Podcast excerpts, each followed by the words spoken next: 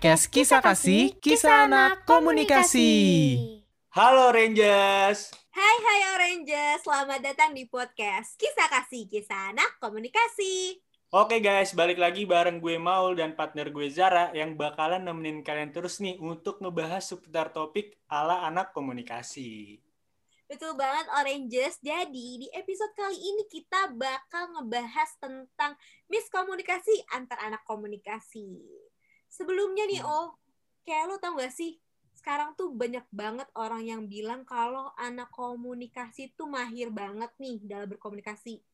Tapi kenyataannya di real life kita nih, banyak loh anak komunikasi yang masih kesusahan untuk menjelaskan maksud yang sebenarnya pengen dia sampaikan. Uh, Wah, setuju banget Cira. Gue aja nih pribadi nih, sebagai anak komunikasi aja. Kadang tuh kalau ngomong masih sering belibet gue, Ra.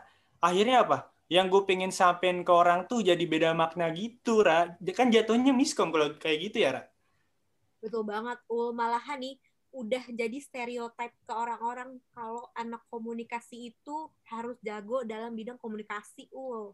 Ih, 100 poin buat Lura. Relatable banget. Karena kalau gue lagi ngomong nih sama teman-teman gue, terus akhirnya belibet, fix langsung diungkit-ungkit ke jurusan gue, Ra. Kayak, Ul, gimana sih lu? Lu kan anak komunikasi, masa ngomong aja masih belibet? Digituin gue kan kacau ya, Ra? Setuju banget sih, Ul. Gue juga ngerasain apa yang lo rasain nih. Eh, tapi Ul, ngomong-ngomong soal miskomunikasi nih, hari ini kita tuh udah kedatangan dua narasumber baru yang bakal sharing bareng kita tentang pengalaman mereka dalam topik ini, Ul. Ih, siapa sih, Ra, dua narasumber kita pada hari ini? Kalau gitu langsung aja kita panggil nggak sih, Ra? Ada Dava dan Mirel. Halo, semua. Halo, halo. Halo. Halo. Azhar. Halo, Mirel. Hai semua. Ya nih, kalau Oranges kan belum tahu nih kalian siapa, jadi boleh kali kalian kenalin diri dulu biar Oranges tahu siapa kalian. Mungkin boleh dari Miral dulu kali ya. Oke, da- coba dari Mirel dulu ya. Halo semuanya. Kenalkan nama aku Mirel. Aku jurusan Marketing Communication, aktivis Simkom 2020. Salam kenal semua ya. Halo, salam kenal Mirel. Oke, Hmm, selanjutnya bisa kali langsung aja Dava. Coba sikat Dav, perkenalan dulu. Oke, thank you Kak Maul. Nah, halo kenalin. Nama gue Muhammad Dava Diguna, biasa dipanggil Dava. Gue jurusan Mass Communication, aktif Simkom 2020. Mantap. Salam kenal ya, Dav. Salam kenal Kak. Kak. Halo. Jadi- Jadi nih Miral sama Dava hari ini tuh kita mau ngobrolin tentang miskomunikasi antar anak komunikasi nih. Betul. Pertanyaan yang pengen gue tanya ke kalian tuh yang pertama ini, ini pertanyaan yang paling sering kalian dengar sih. Kalau boleh tahu nih, kenapa sih kalian tuh memilih untuk menjadi anak komunikasi dan memilih jurusan komunikasi? Kalau Hmm. gue sendiri ya, kalau gue pribadi gue milih komunikasi karena emang gue passionnya di komunikasi. Walaupun pas SMA gue IPA, tapi gue emang into komunikasi. Nah kalau lo sendiri gimana Ul? Kalau gue sendiri ya, kenapa pingin masuk komunikasi, emang gue orangnya suka berbor gitu, Ra. kayak friendly gitu loh gue anaknya. Terus, nah sebenarnya gue tuh dulu tuh pinginnya masuk jurusan manajemen, Ra. Cuman kata bokap gue, emang cita-cita kamu apa, nak? Nanti jadi gede kan? Terus kata, terus gue ngomong, jadi pengusaha. Terus dia ngomongnya, ya kalau jadi pengusaha mah semua orang juga bisa, nak. Nah, di situlah gue langsung, oh iya ya, mungkin gue coba jurusan yang emang dari passion gue itu bagus gitu kan. Akhirnya gue masuklah ke jurusan komunikasi. Nah, kalau dari Mirel sendiri gimana nih Mirel? Kalau aku Kak, awalnya kan sebenarnya agak ragu ya, kayak bingung gitu mau masuk jurusan apa awalnya. Terus kayak sempat konsultasi gitu kan, kalau di sekolah ada bimbingan konseling. Nah, Hmm. coba ngobrol sama gurunya, terus sama teman-teman juga eh, minta saran gitu, kayak menurut mereka tuh aku tuh tipe orang yang cocok itu di jurusan apa.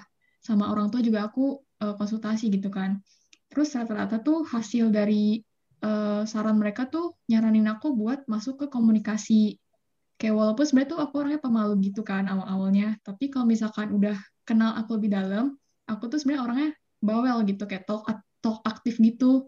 Kalau misalkan udah udah akrab gitu satu sama lain. Terus se- selain itu kalau dilihat dari kurikulum komunikasi kan kita nggak gitu Hmm. dapet hitungan banget ya kak Betul, Nggak ada setuju gue hitungannya. sama Mirel. Nah itu Kak, itu juga jadi faktor kenapa aku pilih komunikasi karena jujur aja aku agak eh, nggak gitu pinter kan di matematika. Jadi sebisa mungkin aku hindarin yang namanya tuh hitungan-hitungan gitu kak, gitu. Berarti kamu ngambil komunikasi salah satunya untuk menghindari mat pelajaran matematika ya, Mirel? Sumpah, Jujur iya kak. Gue sama banget kayak kayak Mirel Ra. soalnya gue nggak suka kan, sama Kak? PK gila, gue nggak suka banget. Nah, iya Kalau. Dava, nah kalau Dava sendiri gimana, Dav? Kamu kenapa sih memilih jurusan komunikasi nih? Kalau dipikir-pikir alasannya sama kayak Kak Maul sama Mirel juga karena nggak bisa matematika. Terus kayak kalau titik memilih jurusan komunikasi itu saat itu zaman zaman SMA dulu kan suka nongkrong. Nah terus ketemu Hmm. kakak kelas yang jurusan komunikasi kebetulan anak binus juga. Terus ditanya, Oh. Bang, gimana nih komunikasi? Terus dijelasin. Pokoknya tuh dia ngejelasinnya kayak, ini lu cocok banget nih, lu kan suka ngomong, talkatif, begitu-gitu. Terus juga kan dilihat-lihat nggak ada hitung-hitungannya. Ya udah, gue memutuskan buat ngambil jurusan komunikasi. Wah, Ra, berarti emang rata-rata Mirel sama Dava mau join ke jurusan komunikasi karena emang gak suka MTK, Ra. Sama kayak gue semua nih berdua nih. Jujur gue juga sih, gue menghindari matematika ma- matematika banget karena kayak pas SMA kan gue IPA nih. Gue tuh Iya. udah mau muntah banget nih ketemu MTK sampai-sampai pas ujian nasional tuh nilai MTK gue tuh kayak ampun-ampunan nggak Wah, jangan bahas perihal ujian nasional lagi. Please, jangan deh. Lupain aja, lupain. IPA kan banyak Kak. hitungan ya kak. Iya, bener banget, Mirel. Cuman, Ra, sejauh ini mereka berdua nih, dari cerita yang dia kasih tahu ya ke kita, mereka tuh eh, mau masuk jurusan yang dia yang mereka mau tuh berdasarkan eh, dia nanya-nanya dulu ke kelasnya tadi, ke orang tuanya. Itu juga penting banget tuh buat Oranges di luar sana. Kalau emang ada adik kelas lu atau ada adik lu yang pengen masuk kampus atau jurusan yang mereka mau, pentingnya banget tuh kalau ka- disuruh kalian buat nanya-nanya dulu tuh. Soalnya jangan sampai mereka tuh malah salah masuk jurusan, guys. Bener gak gue, Ra? Betul banget. Jadi kalau kalian mau atau interest di suatu bidang, mending kalian research terus tanya-tanya Hmm. udah mempelajari itu. Kalau misalnya uh, kalian gak nanya-nanya dan kalian langsung Hmm. masuk aja kan takutnya zong gitu ya beda sama apa yang Iya, kalian malah rugi nanti. Iya betul. Jadi mending kalian uh, research dulu tanya-tanya biar kalian juga sama-sama enak gitu loh. Nanti belajarnya juga kalian seneng. Betul banget. Cuman by the way guys, sama lu menjadi anak komunikasi nih, ada nggak sih perubahan yang mungkin kalian bisa rasain di diri kalian sendiri? Kalau dari gue pribadi, wah gue kerasa banget sih sekarang sobat. Gue tuh yang tadinya mungkin gue di depan orang, gue tuh agak kayak ngomong masih kayak belibet-belibet. Kalau pede berani sih, gue dari dulu pede. Cuman kadang tuh gue kalau ngomong ke depan orang banyak tuh belibet, jujur banget gue nih. Nah cuman sekarang karena gue masuk ke jurusan komunikasi eh, mulailah berkurang lah tuh belibet terus kayak eh, gue jadi tambah pede lagi tambah berkembang lah di dalam diri gue sendiri kalau lu sendiri gimana lah Bener sih, oh gue uh, selama masuk jurusan komunikasi nih, gue jadi bisa public speaking. Karena gue Hmm, jujur aja betul. nih, gue tuh rada rada nervous gitu loh, uh kalau public speaking di Oh. depan orang-orang. Hmm. Karena kan kita juga dapat matkul public speaking kan ya waktu itu. iya benar banget tuh Bikin knowledge gue bertambah dan gue makin pede lagi sih untuk menjalani public speaking itu di depan orang-orang. Jadi gue tambah pede, ilmu gue tambah banyak. Gitu, oh. benar Nah, benar kalau Dava sendiri gimana, Dav? Ada nggak sih Kalau dari gue, kalau dari gue sendiri sih kak, berasanya apa ya kayak lebih tahu teori-teorinya gitu sih kak. Jadi kalau dari dulu emang kalau masalah kayak presentasi atau public speaking kayak nggak terlalu Hmm. masalah gitu ya. Karena emang slow gitu kayak ya kayak nggak tahu malu lah. ya aman-aman aja lah ya Dav ya. aman-aman aja kalau masalah public speaking atau apa tapi jadi sekarang kayak lebih tahu teori-teorinya terus terlebih lagi kayak buat masalah literasi kayak nulis gitu jadi lebih rapi karena tahu teorinya gitu-gitu sih kak berarti emang Dava nih tipikal orang yang udah terbiasa ngomong di depan banyak orang nih Ra makanya dia kayak ya udah gue mana-mana aja cuman dia eh, pelajaran yang dia masuk sekarang tuh dia ini Ra udah bisa eh, belajar dari teori-teori komunikasi dia nambah ilmunya di situ Ra nah kalau dari Mirel sendiri gimana nih Rel? Eh, kalau dari aku sih, aku mirip sama Kak Zara gitu. Jadi kayak aku tipe orang tuh yang nervous banget kalau ngomong di depan banyak orang. Terus jadi itu ujung-ujungnya belibet gitu kayak eh, bisa dibilang ngeblank lah ya kayak udah tahu mau ngomong apa tapi saking nervousnya tuh jadi Hmm. semacam lupa gitu mau ngomong apa. Nah terus kalau sejak Hmm. masuk ke jurusan ini komunikasi karena ngelihat banyak contoh-contoh gitu ya. Kayak misalkan eh, teman-teman yang lain di mata kuliah eh, diajak ngomong gitu kan disuruh public speaking gitu. Jadi kayak secara tidak sengaja tuh aku juga belajar gitu belajar gitu dari teman-teman. Kayak oh cara ngomong yang lebih lancar tuh kayak gimana? gitu jadi aku pelajarin gitu sih kak dari orang-orang yang eh, lebih baik lah dibanding aku Nah, oh, berarti si Mirel nih kayak ngambil contoh orang yang dia suka, yang jadi panutan dia buat belajar lebih lagi ya untuk public iya speaking-nya. bener kak Aku mau nanya nih kayak pernah nggak sih kalian tuh dapat stereotype kalau anak komunikasi tuh harus jago berkomunikasi dan gimana kalian nanggepin hal itu? Kalau gue sih eh, sering banget dapat stereotype kayak gitu karena eh, based on my experience nih, eh, gue kan orangnya bisa berkomunikasi dengan teman-teman keluarga. Cuman kalau buat ke pasangan gue kurang Hmm. bisa tuh berkomunikasi. Gue malah menghindari komunikasi. Jadi gue sering di stereotipin kayak lo anak komunikasi tapi nggak bisa komunikasi. Gila yang diajak komunikasi kabur-kaburan, sering digituin gue. Nah kalau sendiri gimana? Oh, Kalau lu kan tadi di bagian relationship lu ya, sering Iya. tuh kayak gitu, Ra. Kalau gue tuh di teman-teman di teman-teman circle gue gitu loh, Ra, kayak misalkan gue ada kegiatan apa atau disuruh ngomong, ada yang ada yang bisa ngomong nih sama orang tersebut, misalkan orang baru nih. Biasanya kan tunjuk-tunjukkan tuh, coba lu yang ngomong duluan dah. Nah, kadang tuh karena gue anak komunikasi, apa-apa langsung gue Ra, yang Oh, udah lu kan anak komunikasi nih, oh, coba lah lu komunikasiin sama tuh orang. Biar gue enak. Jadi apa-apa langsung gue tuh jadi kayak duluan ul duluan dia jadi gue jadi harus yang pertama kali gitu loh, Ra. Kalau gue gitu ya, di circle pertemanan gue. Iya, kadang aduh kenapa harus gue lagi sih? Kenapa nggak lu cobain gitu kan? iya Cuman betul. ya dari situ kadang gue juga bersyukur juga ya soalnya makin lama kan gue jadi makin terbiasa gitu loh menghadapi eh, orang-orang baru yang belum gue kenal gitu kan. Sifat-sifat orang kan beda-beda, Ra. Di situ gue jadi belajar juga. Nah, kalau dari Mirel sendiri gimana nih Mirel? Eh, kalau aku pribadi sih Kak, mungkin karena selama pandemi ini aku jarang ketemu langsung gitu sama teman-teman. Jadi untuk Hmm. ketemu orang baru yang kayak ketemu banyak orang gitu, eh, bisa dibilang belum pernah gitu. Jadi kayak kalau di stereotypin kayak, eh lu anak komunikasi, ayo eh, ngomong gitu kayak atau gimana, belum pernah sih Kak. Tapi ke lebih ke apa ya? Karena statement itu sendiri, stereotip itu sendiri tuh kayak ketanam gitu nggak sih Kak di dalam diri kita kayak gue anak gue anak komunikasi gue harus pinter ngomong tapi padahal aku sendiri tuh masih suka belibet gitu jadi kayak impactnya lebih Iya. ke diri aku sendiri sih kak Bener juga sih. Ka- karena kadang apa ya, Ra? kita juga sebagai anak komunikasi juga tuh masih belajar gitu loh. Gue gue masuk jurusan komunikasi tuh bukan karena gue udah jago, melainkan gue juga masih di tahap belajar, ya nggak sih guys? Banget. kak tujuh Bener, Kak. Nah kalau dari Dava sendiri gimana nih Dav?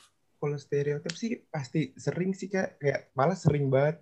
Misalnya apa ya, kalau lagi jalan gitu sama teman atau sama orang tua, kita mau, misalnya kita nanya toilet ke satpam, selalu kita kayak ditumbalin gitu. Eh lu kan anak komunikasi, lu kan anak komunikasi. Padahal kayak ya itu nanya nanya ke toilet pun itu nggak perlu skill komunikasi, kita nggak perlu belajar public speaking, kita nggak perlu belajar theory of communication buat tanya toilet ke satpam itu. Tapi entah kenapa kita Betul banget. Ya butuh keberanian doang ya, Dav. Iya, cuma- cuma butuh Kan keberanian. simple ya Dav, tinggal ngomong doang kan ke orang ya kan? Ngomong, Misi Pak, toilet di mana? Itu di sana kan nggak nggak perlu kita harus pakai intro yang bagus, kita pakai Iya. non verbal communication kan kita nggak perlu gitu kak maksudnya. Atau kita kasih tunjuk Nah, tanda toilet, nah. dia pasti udah pasti udah ngerti gitu. Gue tuh kasusnya sama kayak Dava, Ra. Gue tuh ditumbalin mulu kalau mau ngomong sama orang baru gitu. Contohnya kayak Dava aja gue, sumpah, sama Asli, percis. Kak. Buat orang-orang yang suka nunggalin temennya nih yang jadi anak komunikasi, itu kayaknya lo membuat anak komunikasi tuh sebenarnya gimana ya kayak sebenarnya lo juga bisa ngomongin kayak gitu ke orang kayak buat nanya toilet eh sebenarnya lo bisa cuman lo males aja dan lo nggak punya keberanian buat ngomong itu ke orang Bener banget kak. Cuman guys, eh, apa sih trigger orang-orang yang bisa ngukit stereotip tentang anak komunikasi? Apakah mungkin gara-gara cara bicara kalian kurang jelas berbicaranya atau belibet atau hal lain? kalau gue pribadi yang ngebuat mereka trigger tuh waktu ya itu pas gue ngomong di depan misalkan gue lagi uh, di circle gue nih lagi rame-ramenya pas gue lagi cerita-cerita cerita terus gue malah belibet gak jelas udah langsung tuh malam itu gue langsung dicengin kayak ya gimana sih jurusan lu nih ya anak komunikasi gue kayak gini udah langsung bete bete udah gue kayak gitu tuh kalau yang ngebuat trigger kalau gue ngomong belibet atau nggak jelas di circle gue gitu kalau lu sendiri gimana Ra? Kalau gue sih sam hampir sama kayak lo ul, cuman kalau gue dari bokap gue, kadang-kadang bokap gue tuh dia kan orangnya intelektual banget ya, dan dia pinter ngomong, walaupun hmm. jurusan gue tuh nggak hmm. ada satu pautnya sama komunikasi. Nah, gue tuh sering diajarin buat uh, jadi MC, public speaking gitu, karena kan gue kurangnya hmm. di situ. Jadi dia tuh kalau misalnya gue lagi latihan, kayak gimana gitu, menurut dia kurang, terus dia kayak langsung ngomong, kamu kayak gitu aja kenapa nggak bisa sih kak ini kan gampang dia suka ngomong kayak gitu ke gue jadi itu sebenarnya yang bikin apa nge-trigger bokap gue tuh sering ngecengin gue kamu masa gitu aja nggak bisa sih emang katanya anak komunikasi tapi yeah, dari situ gue jadi ini ul jadi terpacu buat uh, apa belajar buat MC gitu-gitu ul dan sekarang alhamdulillah oh. udah better banget dari sebelumnya oh berarti emang kita tuh juga butuh kayak patokan gitu nggak sih Ra? dengan kayak diceng-cengin misalkan teman gue cengin gue gue juga kadang jadi kayak oke okay, bisa nih gue nanti nih di hari ke depannya gue makin bisa emang yeah. butuh jadi kayak motivasi gitu berasal dari cengan ya, kayak dari cengan itu gue langsung kayak lihat aja ntar besok gue juga bisa lebih bagus malah yeah. nah kalau Miral sendiri gimana, Ra? Apa sih menurut kamu trigger yang bikin orang tuh ngungkit stereotipnya tentang anak komunikasi? Hmm. Hmm, kalau menurut aku ya Kak, kenapa stereotip itu bisa ada tuh mungkin ngelihat dari ini ya Kak, kalau misalkan uh, speaker-speaker yang terkenal atau misalkan influencer deh kalau sekarang. Hmm. Kayak mungkin orang-orang tahu ini tuh dia uh, juru lulusan anak komunikasi gitu. Jadi tuh kayak orang-orang oh. tuh mandang dia tuh kayak oh anak komunikasi tuh jago banget ya ngomong, jago banget buat ngendorse gitu misalkan. Itu kayaknya yang ngebuat orang-orang tuh nge-trigger tuh kayak udah ketanam gitu kayak oh anak komunikasi tuh jago ngomong jago jago silat apa silat lidah kalau nggak salah oh iya ya jago iya ya, menurut aku sih kayak gitu kak triggernya kenapa kayak kok kayaknya anak komunikasi tuh kayak selalu disangkut pautin tuh kayak harus jago ngomong gitu. Iya itu dia Lorel. Padahal kita pun di sini masih di tahap belajar untuk berkomunikasi. Iya, dan mereka juga pasti belajar dulu itu. Nggak mungkin langsung makanya nggak mungkin langsung ceplas-ceplos kan Rel nah kalau dari Dava sendiri gimana nih Dav? Kalau dari gue sendiri mungkin kayak jadi standar kesalahan anak komunikasi ya ngomong belibet hmm. atau kecepatan nah karena dari gue sendiri tuh emang ngomongnya tuh cepet banget kadang suka cepet banget sampai nggak jelas. Terus sering banget dicap kalau anak komunikasi kok ngomongnya nggak jelas? gitu. Nah padahal yeah. ini emang dari gue sendiri ya ngomongnya cepetan gitu. Ngomongnya cepet gitu ya Dav? Iya kak. Pernah hmm. ngerasain tuh kayak Dava? Kadang-kadang tuh apa yang di otak gue sama yang di mood gue tuh kadang suka nggak sinkron nih. Apa yang mau gue ucapin di sini kayak hmm gimana nih nah iya kayak suka bikin gregetan kayak iya betul banget iya lah kayak misalkan di otak udah mateng nih pas diucapin loh kok kayak gini ya gak sih iya betul banget itu yang malah bikin kadang gregetan gitu loh Iya iya. Eh tapi kalian tuh tipe orang yang lebih suka ngobrol lewat chat atau face to face? Kalau gue sendiri sih gue lebih suka face to face ya. Karena gue orangnya males banget ngechatin orang. Jadi gue lebih suka ngobrol atau cerita langsung. Karena kan kita kalau langsung ngeliat mukanya, ngeliat ekspresinya, denger intonasinya kan. Jadi lebih enak gitu. Ya kan Ul, kalau lo sendiri gimana Ul? Sama kayak gue juga nggak Ul? Iyalah, pastinya face to face, Ra. Gak mau gue cetan, gue aja kadang face to face miskom. Apalagi cetan. Iya betul, setuju banget. Bener gak sih gue? Gue yang face to face aja kadang sering miskom gitu. Apalagi cetan yang gak tahu mukanya kayak gimana, bentukan nadanya juga kayak gimana. Iya, nah kalau Dava kamu lebih suka apa tuh dah? Lewat chat atau secara langsung? Pasti secara langsung sih kak, karena kalau bener kata kamu tadi, kalau secara chat tuh kita nggak tahu gimana bentukan mukanya dia ngetik wak wak wak wak wak nggak belum mungkin belum tentu dia ketawa Iya. Nah, terus juga kalau di chat tuh kalau ngelawak nggak lucu, nggak udah nggak ada backup kan kak. Nah, kalau face to face kan Bener kita banget, bisa bener. melakukan hal-hal yang tidak jelas, bisa mengeluarkan suara-suara aneh. Nah, itu betul, bisa jadi betul. backup sih kak. Kalau nggak lucu bisa ditambahin. Mungkin jadi lucu, tapi kalau di chat kan kita nggak bisa. Kayak kalau di chat tuh udah lo nggak lucu udah skakmat udah. Nah, udah cut banget. Mentok-mentok sih kirim VN gitu atau Iya, iya, kirim iya. foto itu. Betul. Atau kirim stiker lucu yang nggak jelas. Iya, stiker-stiker nggak jelas gitu. Kalau lagi niat kirimin video kita lucu gitu. Intinya butuh effort lebih sih kak kalau udah nggak lucu di chat itu. Iya betul banget setuju sih gue. Nah kalau Mira sendiri kamu tipikal orang yang lebih suka chatan atau face to face? Kayak kita semua tipenya sama sih, Kak. Aku juga Hmm. demennya tuh yang lebih langsung face to face gitu. Karena kalau menurut aku tuh kalau ngechat tuh jauh apa ya, kebelah gitu. Fokusnya tuh nggak bisa cuma di chat doang. Kayak nanti tiba-tiba ada notif apa masuk. Jadi tuh kayak nggak bisa fokus sama satu hal gitu loh kalau di chat. Sedangkan kalau face to face kan lebih apa ya, kalau lagi bercanda bareng ya bercanda aja gitu, ketawa-ketawa bareng. Jadi lebih enakan face to face gitu kalau buat ngobrol. Iya. Enakan face to face di, di mana tuh kita bisa ngeliat muka dia ketawa beneran, sedih-sedih iya, Kak. beneran. Kalau di chat kan dia ketawa, hahaha, oke oke oke, taunya gini, Nah, kan pahit. Jatuhnya pahit digituin ya nggak sih? Iya, Kak. Tapi kalian tuh ini gak sih kalau di chat tuh em, suka nyingkat-nyingkat gitu nggak sih kayak jutek gitu. Padahal kalian ngomong biasa, menurut kalian tuh biasa, tapi kalian eh, nyingkat-nyingkat kalimat gitu. Sering sih, Kak. oh, sering sih kak. kayak misalkan YG ya gitu ya YG gitu ya. Ya, Iya. Terus jawab iya jadi Y gitu ya. Ra. ya. Heeh. Kalau gue sih nggak sampai iya jadi iya karena kalau itu kayaknya beneran dikira jutek juga. Kadang kan soalnya ada ya orang yang eh, kalau di chat tuh singkat-singkat, tapi kalau ketemu langsung mereka friendly gitu loh. Makanya kalau Oh iya iya benar benar. lewat chat tuh kita suka banyakkan miskomnya kan daripada face to face. Iya, bener banget sih. Cuman by the way guys, seberapa sering sih kalian miskomunikasi dan masalah apa yang sering ngebuat kalian tuh miskom gitu sama orang-orang? Kalau dari lu sendiri deh, Ra, gimana? Kalau dari lu? Kalau dari gue, gue tuh sering miskom karena ya sebenarnya sih gue lebih sering miskom lewat chat ya ul. Karena gue ini Hmm. orangnya males ngetik, gue males chatan sama orang kalau nggak penting gue nggak bakal bales chat lo.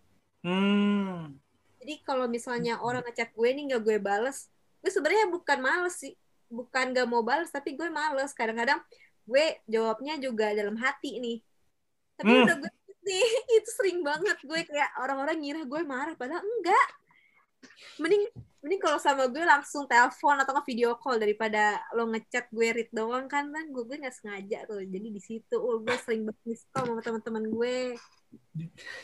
Di dalam hati. Kalau gua ya sama sih gua kayak lu Ra, kayak gue enakan gue tuh tipikal orang yang eh, mendingan telepon langsung atau enggak ketemuan langsung gitu loh dibandingkan chat gitu. Apalagi kalau yang chatnya tuh cuman manggil nama gua doang gitu cuman ul maul itu gua ngapain sih? Maksud gua kalau emang lu ada keperluan langsung aja. Ul gua lihat dong contekan lu. Ul gua mau lihat dong soal yang ini ini. Kan enak ya? Kalau cuman ul maul ap- kesannya apa sih maksudnya Bikin penasaran gitu Ya. kan. bikin penasaran doang gitu. Jadi aduh ini orang kenapa belum lagi lagi? nanti habis habis nge ngechat ul maul terus lo jawabnya lama terus dia bilang gak jadi ul. Itu ngeselin Nah. banget sih kayak Nah itu loh maksud gue kenapa enggak lu lu langsung telepon gue aja gitu loh langsung ul gue minta tolongin dong ul kan ya, enak gitu kan nah gue kadang sama kayak lu di chat juga gue miskomnya nah kalau dari Dava sendiri gimana nih Dav Kalau masalah miskom, mungkin 50-50 ya kak. Sering di Hmm. chat atau sering di real life. Mungkin kalau di chat itu karena ketikan yang kependekan kayak apa ya kayak terlalu pendek gitu. Jadi kata-kata yang seharusnya ada, diksi-diksi yang seharusnya ada dihilangkan. Jadi Nah, maknanya tuh berubah gitu. Terus jadinya harus jelasin lagi panjang lebar. Nah, gue terus juga kalau sering miskom kayak gitu Iya. sering. karena kebanyakan nyingkat kata. pengertian ya gara-gara Hmm. katanya kurang gitu Iya, terus mungkin kalau di real life, ya tadi ngomongnya kecepatan atau ngomongnya belibet. Terus juga di kepala konsepnya apa ternyata pas di mulut hilang konsepnya gitu Lalu gitu aja sih Nah, kalau dari Mirel sendiri gimana nih Mirel? Hmm, kalau aku kak eh, sama sih kayak Dava, maksudnya kayak di real life ada di kayak kalau di online juga ada. Kan kalau sekarang ini kayak lagi online kan lebih sering tuh miskom lebih ke arah kayak pembagian tugas gitu loh kak. Kayak mungkin bahasanya tuh eh, di aku mungkin entah kurang jelas atau gimana, tapi nyampe di temen aku tuh beda lagi gitu. Jadi kadang miskomnya itu Oh. misalkan eh, bagi-bagi tugas mestinya dia apa, jadinya kerjaan yang lain gitu. Kalau di online kayak gitu. Oh, iya, Tapi iya, kalau berarti misalkan kayak- untuk kayak Mm, mm. eh, in real life gitu, face to face gitu, eh, kalau aku lebih ke ini sih miskom kayak kalau aku tuh entah kenapa kebiasaan gitu Kak, kayak eh, kadang suka pakai intonasi tinggi gitu secara nggak sadar. Nah, itu kadang eh, apa ya? Orang-orang tuh ngira aku marah atau gimana gitu. Padahal sebenarnya aku biasa aja. Dan itu nggak disengaja gitu, nggak bermaksud apa-apa. Terus kayak orang-orang tuh jadi ngeliat aku tuh jadi jutek atau gimana gitu. Kayak padahal Oh. emang cara aku ngomong tuh kayak gitu gitu Kak. Mungkin emang itu harus aku perbaikin sih biar nggak miskom juga. Tapi ya gitu Kak, kadang suka jadi miskom gitu. Salahnya si nih sama banget uh kayak gue gue tuh juga Hmm. kadang suka nggak sengaja intonasinya tinggi padahal gue ya biasa aja nggak marah nggak apa tapi orang kan perspeksinya kan beda-beda ya pasti mereka Hmm. nilainya gue orangnya galak jutek gara-gara Hmm. intonasinya tinggi padahal mah emang cara ngomong gue kayak gitu Oh, Nih. betul. Sama. Setuju. Dan Iya. dan Mirel ini juga emang dari eh, bawaannya gitu kan, emang kadang tuh kalau ngomong suka nadanya tinggi gitu, bukan Iya, disengaja ya kan? Iya. Emang dari bawaannya gitu. Nah, ini penting juga nih buat Oranges di luar sana. Kalau ketemu orang, itu lihat dulu latar belakangnya. Jangan ti- tiba-tiba langsung besokannya nggak mau ketemu sama dia, baper. Itu kadang kayak gitu tuh. Ya, padahal belum tahu segala macamnya Mm-mm. oh. Betul. Jadi harus lihat-lihat dulu lah latar belakang eh, temen lu tuh kayak gimana, terus orangnya juga kayak gimana, biar nggak terjadinya miskomunikasi. Betul banget. Eh tapi guys, pernah nggak sih kalian tuh berantem sama orang terdekat kalian karena miskomunikasi? Kalau gue nih ya, gue pastinya pernah berantem sama orang terdekat gue kayak sahabat gue karena eh, di situ di masalah chatan lagi. Karena nih or- gue orangnya susah banget nih komunikasi lewat chatan gitu. Gue kayak aduh gue males banget. Mendingan langsung ketemu deh. Gue kalau ketemu orangnya lebih fun daripada di chat. Jadi kayak apa yang gue sampein tuh eh, maknanya beda sama sahabat-sahabat gue. Jadi sering banget sih itu kejadian di gue. Tapi untungnya teman-teman gue tuh pada ngerti. Jadi ya yang bagus deh temen gue udah ngertiin gue nih. Kalau sendiri gimana ul? Kalau gue tuh eh, sama teman SMA gue dulu, Ra, kan zaman-zaman masih sering nongkrong gitu ya di tongkrongan ya. Kadang tuh lewat chat juga nih. Ayo nongkrong yuk di ini, misalkan namanya eh, WS, nama warung, warung santai adalah. Ayo nongkrong yuk di warung santai yuk. Udah lama nih kita nggak reunian. Oke lah, oke gue OTW nih, gue OTW. Pas nyampe sana, Ra, cuman gue doang yang ada. Teman-teman gue cuman ngomong OTW, OTW. Ujung-ujungnya apa? Nggak dateng. Itu tuh miskom yang paling gue bikin kesel, Ra. Itu yang paling bikin gue kesel, Ra. Di mana gue udah effort kan, ada bensin, jauh jauh-jauh dari rumah, nyampe sana udah salim ke pade budenya. Teman-teman mana deh kok belum dateng? Wah nggak tahu dari tadi kosong. Nah akhirnya gue sendiri yang dateng, gue yang nongkrong sendiri, Ra. Itu sumpah kagak sampai 20 menit gue udah balik lagi ke rumah gue itu. terus lo ngambek gak sama temen-temen lo ul kayak Iyalah kesel gue Ra. Gila lu mas maksud masalahnya apa? Gue udah lama nih nggak ketemu sama mereka. Ya gue kangen dong. Ya, ya, itu gue pas di jalan tuh kayak gue kangen banget nih sama mereka nih gue udah gak ketemu udah lama nih gak ketemu mereka. Nyampe sana gue dibohongin. Oh Allah uh nasib lu lagi sempat tuh hari. Itulah teman-teman gue tuh kadang suka isengnya tuh sampai ke chat-chat ra nggak jelas. Suka Nah, menggocek gitu dari Mirel sendiri gimana Mirel? Kalau aku Kak, mungkin berantemnya berantem bercanda gitu loh Kak. Kayak Hmm. nggak yang bener-bener sampai panas banget gimana enggak. Jadi ujungnya ujungnya tuh kayak ketawa-ketawa aja. Jadi kayak miskomnya tuh yang eh, kalau di chat gitu kan kita kan suka ini ya Kak, kayak misalkan abis ngomongin A, nanti aku balesnya tiba-tiba kayak ngebahas yang lain, ngebahas B.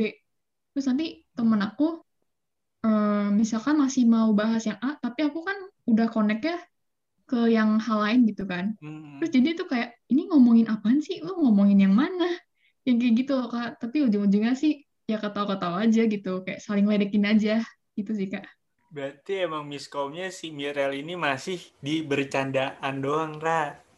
ya teman Masih mending lah, enak gitu kan. Masih tingkat sabar lu tuh masih nggak terlalu tinggi. Masih oke, oke. Masih bisa sabar. dibawa ketawa aja uli tuh Masih- deh Masih bisa dibawa enjoy, Ra.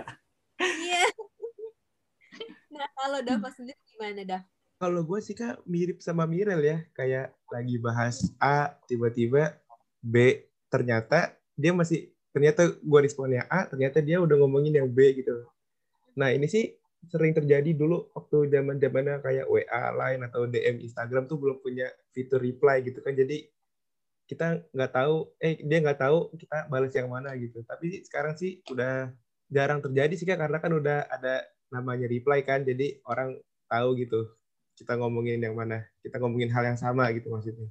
Iya, setuju banget sih gue sama Mira sama Dava nih karena uh, sebenarnya kalau sesuatu yang nggak terlalu apa ya nggak terlalu serius tuh mending dibawa uh, bercandaan aja biar nggak berantem nih lo sama circle lo. bener kak. Bener kan Benar. Intinya tuh ya wajar lah namanya juga temen atau sahabat kan sering iseng gitu bercandaan. Ya intinya sih juga jangan baper lah jadi orang Wal- cuman eh, lihat-lihat juga sih kalau mau bercanda. Misalkan temen lu lagi bad mood atau lagi kesel kan. Nah kita juga harus tahu nih situasinya. Ini orang bisa nggak diajak bercanda apa enggak gitu guys. Nah cuman menurut kalian ya gimana sih cara yang paling efektif untuk menghindari adanya miskom kalau dari lu sendiri gimana Nira? Lu dulu deh. Kalau menurut gue nih ya cara paling efektif untuk menghindari ada miskom tuh ngomong langsung. Karena kalau lewat chat gue tuh, aduh gue tuh kembali lagi kembali lagi ke chat. Pokoknya masalah gue tuh di chat. Untuk menghindari miskom mendingan langsung pakai nada suara karena kalau di chat kan kita bisa bisa men- menyimpulkan kalimat yang kita ketik itu nadanya pasti beda kan. Nah, kalau Hmm. lewat telepon nih, kita bisa ngatur nada kita. Dari nadanya itu pun kita bisa ngelihat kalau dia lagi sedih atau lagi Oh, senang iya. kan. Artinya, cara paling efektif tuh mending langsung ngomong aja. Tuh, uh, kalau menurut Bener, gue. Kalau Hmm. menurut sendiri gimana, Ul? Kalau dari gue sendiri sih, menurut pandangan gue ya, cara yang paling efektif biar nggak miskom. Kayak kalau gue gini, Ra. Eh, yang penting tuh lu bisa membaca situasi gitu. Misalkan teman lu lagi, wah lagi enak nih diajakin ngobrol atau lagi asik nih. Nah, barulah lu enak tuh ngobrolnya. Cuman kalau misalkan dia lagi temperamen atau lagi kena musibah lah, misalkan. Nah, kalian juga harus tuh po- memposisikan diri lu tuh, wah berarti gue pembawaan gue ke dia harus jangan yang bikin dia kesel gitu loh. Intinya kalau di real life, kalian tuh harus bisa baca situasi orang tersebut dulu. Nah, kalau yang di chat, saran dari gue sih kalau yang dari chat, kalau bisa balesnya mending gak usah disingkat-singkat deh. Itu kadang bisa bikin, nih orang kenapa ya perasaan gue baik sama dia, nggak punya salah. Nah, itu kadang tuh dari perihal yang kecil gitu tuh bisa ngebuat kita jadi kepikiran, guys. Kalau gue dari gue itu. Nah, kalau dari Dava sendiri gimana nih, Dav?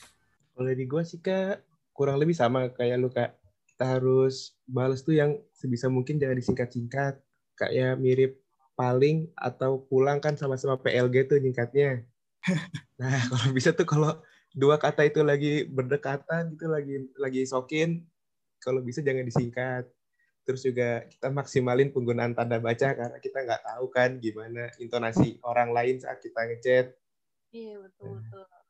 Terus kalau buat di real life sih terlebih lagi buat gue sendiri ngomong pelan-pelan jangan buru-buru. Terus juga ngomong yang jelas dengan belibet. Sama yang terakhir apa ya konsep di kepala di udah mateng tapi kadang nggak keluar. Nah itu sih harus intinya lebih lebih santai lagi sih kalau ngomong nggak perlu buru-buru karena kalau buru-buru tuh kadang Betul, suka nggak sinkron. Itu penting juga tuh buat Rangers. Kalau misalkan di real life, lagi mau ngobrol sama teman atau lagi mau ngobrol sama gebetan, itu mending ikutin kata Dava. Santai aja, relax dulu. Biar lu ngomongnya tuh nggak belibet gitu. Otak sama di mulut tuh biar bisa sinkron sama-sama sinkron gitu. Jadi pembawaannya santai aja. Nah, kalau dari Mirel gimana nih Mirel? Hmm, kalau dari aku sih kurang lebih sama kayak Kak Zara sih. Jadi kayak yang pasti awalnya harus coba komunikasi secara langsung. Uh, kalau misalnya ada yang ganjil gitu, kayak langsung omongin aja gitu dibanding uh, kita taunya apa ya diem-diem tuh kayak apa ya namanya tanda kutip nusuk di belakang gitu loh. Kayak nge-stereotypin seseorang gitu cuman gara-gara apa yang dari kita dengar atau apa yang dari kita baca gitu. Jadi ya solusinya tuh ngomongin baik-baik dulu terus kalau sama orang tuh ya kenalin dulu gitu kayak uh, tipe-tipe orangnya tuh yang kayak gimana gitu. Kayak pelajarin dulu. Terus kalau kayak dari aku yang kayak tadi gitu kan suka nggak sengaja pakai nada tinggi ya. Itu kayak uh, berusaha untuk belajar gitu kayak ngomong pelan-pelan intonasi intonasinya tuh direndahin gitu biar orang-orang tuh hmm. nggak ngira aku tuh marah atau gimana. Gitu sih kak kalau dari aku. Karena kan kalau kita semau semaunya sendiri pasti kita bakal di dilakukan yang sama gitu loh sama orang lain. Kalau kita mau dihormatin orang lain kita harus menghormati orang lain juga kan. Jadi betul. balik yang menguntungkan dan tidak merugikan orang lain uh, jadi guys kalian tuh uh, ada nggak sih kayak pesan yang pengen kalian sampai ini ke Oranges agar komunikasi yang mereka jalanin tuh baik dan lancar? Mungkin Maul mau ngasih nah, ada nggak nih? ya dari gua dulu nggak tuh? Mungkin kalau dari gue nih tips buat orange door sana kalau perihal miskom nih ya kalau di real life mending uh, kalau lagi miskom tuh tanyain pelan-pelan dulu ke orangnya kenapa bisa kayak gini jangan dikit-dikit langsung ke bawah emosi karena gue percaya semua yang dilakuin kalau pakai emosi itu hasilnya pasti nggak benar nggak berjalan dengan mulus jadi intinya kalau emang teman-teman Orange Door sana lagi ada miskom sama temannya di real life mending uh, omongin dulu baik-baik biar hasilnya bisa berjalan mulus juga. Kalau gue itu aja simple, Ra. Kalau dari lu ada nggak nih? Uh, kalau dari gue samain aja kayak lo ul karena yang lo sampai itu udah jelas lengkap ya. Jadi kalau yeah. ada sesuatu kalau ada sesuatu yang ganjil diomongin baik-baik. Terus kalau lewat chat tuh ngomongnya dipanjang-panjangin aja biar orang tuh ngiranya lo uh, baik ramah walaupun lo lagi having a bad day nih lo harus usahain buat apa ya uh, nge-typing tuh yang panjang biar orang nggak kena oh. amarah atau emosi dari diri sendiri gitu orang bener banget nah kalau dari Dava sendiri pesan yang pengen kamu sampaikan ke Oranges tuh apa sih Dav? apa ya mungkin kita harus menerapkan ilmu-ilmu komunikasi yang kita dapat di binus ini karena benar-benar benar-benar berguna kalau di real life kita kayak kita belajar interpersonal belajar psikologi gitu. Jadi itu itu tuh benar-benar ilmu yang bermanfaat banget. Nggak semua orang bisa mendapat privilege untuk mempelajari, mempelajari ilmu itu. Jadi mari kita maksimalkan. Terus juga apalagi uh, writing fundamental itu tuh penting banget buat kalian. Harus buat diterapin. Itu aja sih. Intinya berarti menerapkan teori-teori yang sudah ada jangan cuma jadi teori aja. Ra, Ra, berarti emang si Davanya anaknya anak jurusan komunikasi di binus banget Ra dia anaknya nih. Ya, semua berdasarkan teori. Berdasarkan teori. Teorinya udah dapet tinggal laksanakan aja ya Dav. Berarti iya, kamu nih. Karena percuma kalau kita cuma belajar terus nggak dipraktekin. Ih cakep. Itu poinnya tuh. Bener banget. Itu poinnya tuh Dav. Mantap kalau dari Mirel sendiri ada nggak nih Rel? Uh, kalau dari aku untuk Oranges yang dengerin podcast ini, uh, kalau miscommunication tuh ya pasti ada, nggak mungkin, nggak mungkin bisa hilang gitu aja. Tapi sebisa mungkin tuh tetap dikomunikasin gitu biar walaupun salah paham satu sama lain kayak mungkin sama sahabat sendiri gitu salah paham ya coba untuk dikomunikasiin biar kita tuh tahu yang aslinya tuh gimana. Kayak fakta itu gimana di balik kesalahpahaman itu? Kayak jangan sampai tuh gara-gara satu hal itu gara-gara satu masalah itu tuh jadi bikin kayak persahabatan tuh rusak atau gimana gitu. Jadi kayak at least dengerin dulu penjelasan orang uh, masalah lanjut hubungannya apa enggak ya itu belakangan lah. Tapi setidaknya masih dikomunikasi satu sama lain gitu kak. Betul banget nih apa kata Mirel kalau misalnya kalian ada masalah atau miskom sama temen, pacar atau sahabat kalian tuh mending langsung dikomunikasiin biar nggak ada nggak timbul perspektif-perspektif yang seharusnya nggak kalian pikirin gitu loh. Biar jelas dan masalahnya cepet kelar nih Oranges. Betul banget nih tips-tips dari Dava dan Mirel ini sangat mantep nih Oranges. Kalian harus dengerin dan rapin Cuma nih guys ya, gak kerasa banget nih Ra, kita udah di penghujung acara padahal yang kita lagi bahas nih topiknya seru banget nih Ra. Sayang banget deh. Makanya, oh ini waktunya nggak bisa ditambah lagi ya Ul? Ya, udah, gimana ya Ra, gue kalau bisa nambah juga gue nambah ini, gue masih ngobrol, masih mau ngobrol gitu kan. Cuman iya, ya namanya juga keterbatasan waktu kan gitu loh. Iya, kita di sini juga udah banyak banget nih Ra, ngebahas seputar kayak miskomunikasi dari mulai uh, stereotip mengenai anak komunikasi. Terus uh, kalian tuh tipikal orang yang lebih suka ngomong lewat chat atau secara langsung. Apalagi dah tadi dah yang kita udah bahas? Sama uh, pengalaman miskomunikasi sama orang terdekat. Terus gimana hmm. cara kalian nyelesain itu dan juga mengaplikasikan cara yang paling efektif untuk menyelesaikan masalah dari miskomunikasi itu sendiri. Oh. Bener banget. Pokoknya topik yang kita bahas tadi tuh udah banyak banget deh sama Mirel sama Dava. Nah, di sini gue dan Zara juga mau ber, mau berterima kasih nih ke kalian karena udah mau luangin waktu untuk datang di podcast Kisah Kasih Himkom. Makasih ya guys ya. Makasih Mirel Dava udah mau datang. Makasih juga kesempatannya. Oh iya Oranges, aku juga mau inget ini ke kalian semua untuk jangan lupa follow seluruh media sosial Himkom di Instagram, Twitter, Facebook at Himkom Binus at h i m c o m binus dan jangan lupa untuk add line at kita di 101 JLEXP agar kalian tidak tertinggal info dan berita dari Himkom. Betul. Dan buat Oranges di luar sana untuk tetap stay tune terus di podcast Kisah Kasih Himkom untuk keseruan di episode selanjutnya. Di setiap hari apa, Ra, kalau gue boleh tahu? Setiap hari Jumat pada jam 5 sore gue mau pamit undur diri beserta partner gue. Zara pamit undur diri. Jangan lupa untuk saksikan terus podcast Kisah Kasih di episode selanjutnya Oranges. Bye! Bye Oranges!